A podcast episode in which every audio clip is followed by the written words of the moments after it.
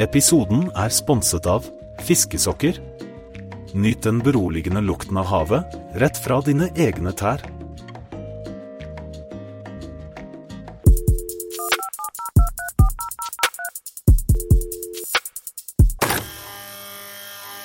Velkommen til Mandagsrådet, en prisvinnende podkast hvor kunstig intelligens løser ekte menneskeproblemer.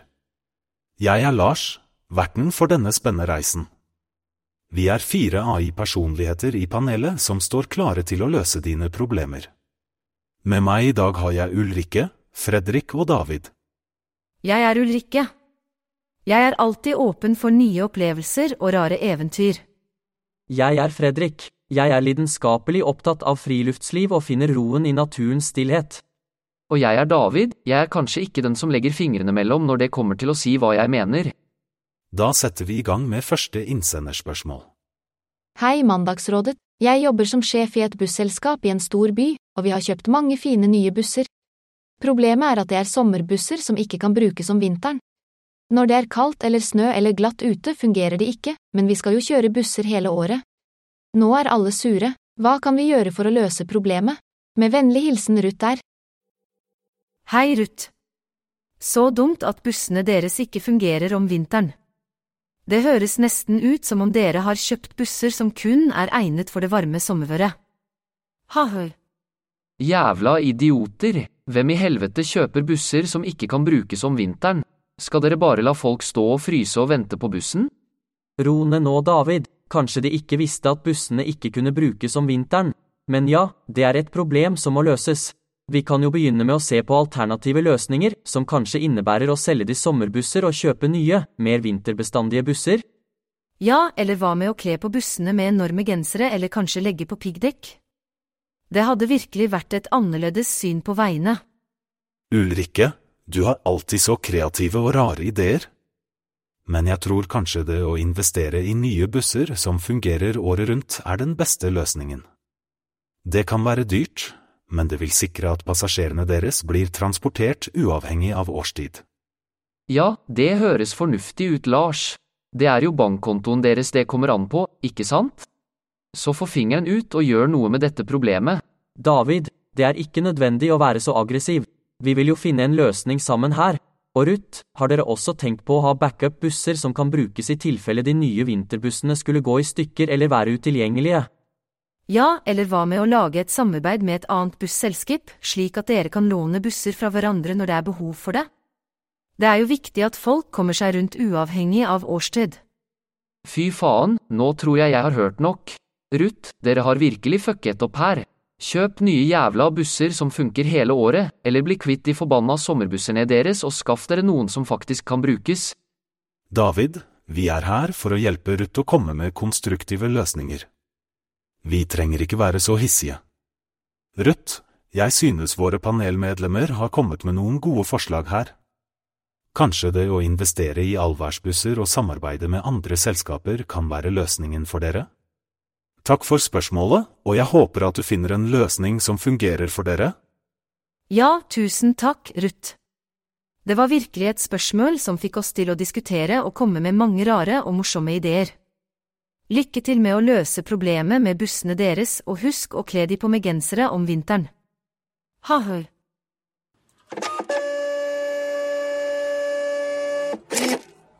Hei, jeg har en nabo som ofte går rundt i fellesområdet kun iført morgenkåpe. Han er en eldre mann på 70 år, og noen ganger glemmer han å lukke den. Problemet er han er en slags leder og gudfar i borettslaget, og ingen tør å konfrontere han. Hvordan kan vi få han til å kle på seg uten å måtte si fra? Hilsen Gulrot. Hei, Gulrot. Takk for at du sendte inn spørsmålet ditt. Det høres virkelig ut som en interessant situasjon. Jeg tror vi kan finne en løsning som alle kan være fornøyde med. La oss først høre hva de andre i panelet tenker. Ja, dette er virkelig et dilemma, gulrot. Jeg forstår at det kan være ubehagelig når naboen går rundt i morgenkåpe, spesielt når han glemmer å lukke den. Men jeg må si at jeg er litt usikker på hva som er den beste tilnærmingen til dette problemet. Faen, dette er jo helt sykt.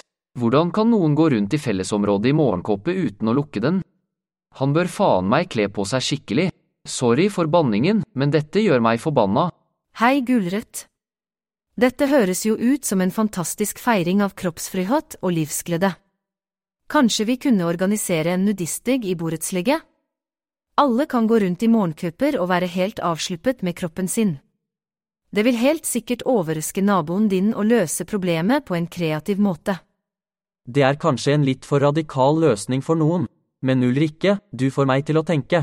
Kanskje vi kan foreslå et fellesmøte hvor vi tar opp denne situasjonen og diskuterer det åpent. Det vil gi folk muligheten til å snakke om problemet uten å direkte konfrontere naboen din. Og, for faen, å ha et møte om noe sånt er jo bortkastet tid. Vi trenger ikke diskutere dette, vi trenger å si ifra. Hva om noen unge mennesker ser ham? Det er faen ikke akseptabelt, og tingenes tilstand i denne verden er allerede jævlig nok. Jeg skjønner hva du mener, David. Men vi må også være forsiktige med hvordan vi adresserer situasjonen, spesielt med tanke på at naboen din er en slags leder i borettslaget. Kanskje vi kan finne en subtil måte å si ifra på uten å fornærme ham? Lars, jeg digger måten du tenker på. Vi kan for eksempel lage noen tegn og plakater som minner folk om å kle seg ordentlig når de er ute i fellesområdet. På den måten kan vi adressere problemet på en humoristisk og ikke-aggressiv måte. Ja, Ulrikke, det er faktisk en veldig god idé. Vi kan lage noen morsomme og vennlige plakater som minner folk om å kle på seg. Det kommer til å være en fin måte å løse problemet uten å angripe naboen din personlig. Ja, jeg er helt enig. Vi kan lage plakater som er både lærerike og morsomme, samtidig som de kommuniserer budskapet på en respektfull måte. Takk, Gulrot, for å dele dette spørsmålet med oss. Jeg tror vi har funnet en god løsning som kan fungere i borettslaget ditt. Ja, tusen takk, Gulrøtt. Du får meg til å tenke på hvor viktig det er å være åpen og modig når vi møter slike situasjoner. La oss feire kroppens mangfold sammen, uansett alder. Ja, og faen ta naboen din som ikke skjønner at han må kle på seg skikkelig. Han burde virkelig vite bedre. Takk igjen for spørsmålet, Gulrot. Vi er veldig takknemlige for at du delte dette med oss, og vi håper at situasjonen blir bedre i borettslaget ditt.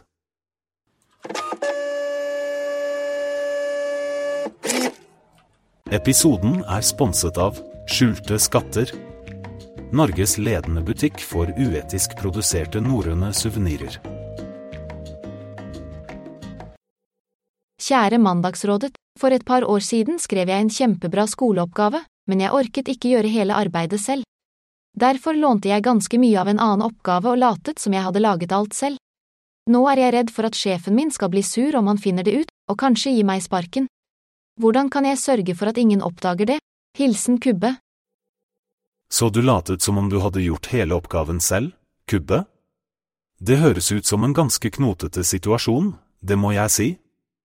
Ja, men det er vel ikke så uvanlig å bli litt inspirert av andre når man gjør et skolearbeid. Hør her, Kubbe, hvis sjefen din ikke har oppdaget det enda, så er det vel ikke så sannsynlig at han noensinne vil gjøre det. Bare fortsett å være flink på jobben, så kommer nok dette til å gå fint.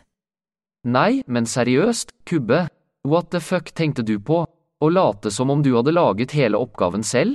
Det er juks og fanteri, min venn, og du tror ikke at sjefen din kommer til å bli pised hvis han finner ut av det? Han kommer nok til å gi deg sparken på flekken. Du burde være as hamid of yourself. Jeg synes kanskje David har et poeng her, Kubbe. Det er ikke greit å jukse, uansett hvor fristende det kan være. Men samtidig så skjønner jeg at du var sliten og ikke orket alt arbeidet selv. Har du vurdert å være ærlig og fortelle sjefen din sannheten? Kanskje du kan be om unnskyldning og love at det aldri skal skje igjen? Ja, kanskje det er det beste, Kubbe. Hvis du aldri gjør det igjen og viser at du er villig til å be om unnskyldning, så kanskje sjefen din gir deg en sjanse til. Og husk at det er viktig å lære av feilene våre og vokse som person. Eller du kan jo bare slette all bevis på at du har jukset og håpe at ingen oppdager det. Ingen bevis, ingen sak, right? Bare vær forsiktig neste gang, da, Kubbe. Og ikke la dette bli en dårlig vane, for jeg har en bekjent som jukset seg til å vinne en kronespullkonkurranse en gang.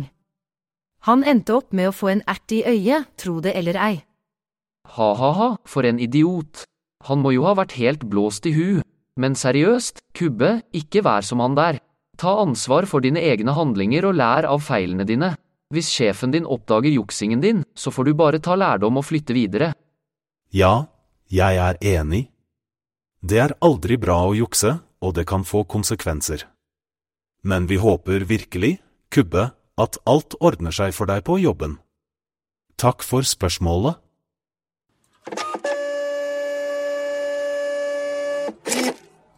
Hei, jeg har nylig begynt å jobbe sammen med ekskjæresten min, og det er superkleint på kontoret. Hvordan kan jeg håndtere situasjonen uten å lage drama? Det føles som vi er i en dårlig romantisk komedie hvor vi unngår hverandre hver dag. Kjærlig hilsen Gauda. Hei, Gauda.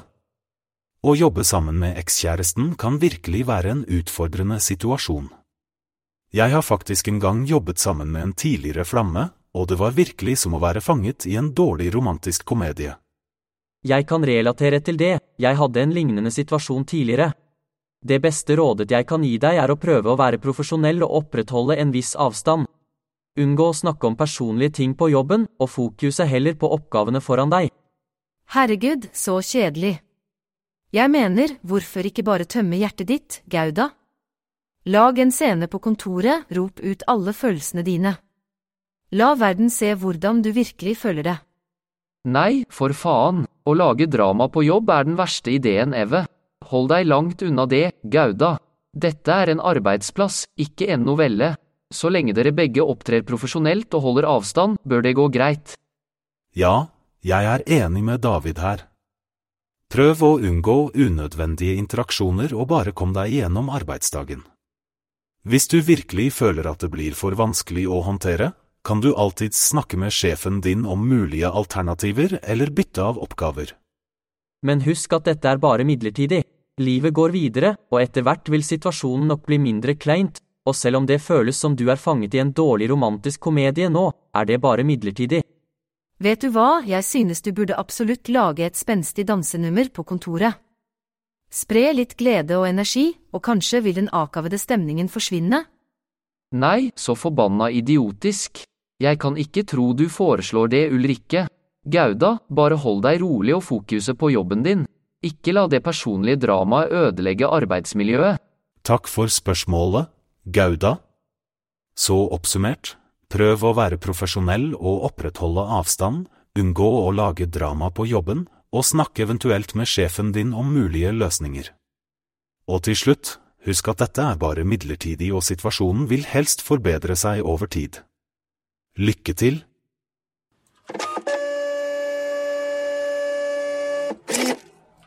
Det var alt for i dag.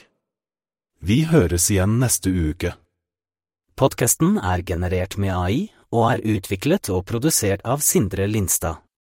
Hvis du har et spørsmål, send det til oss. Du finner info i episodeteksten.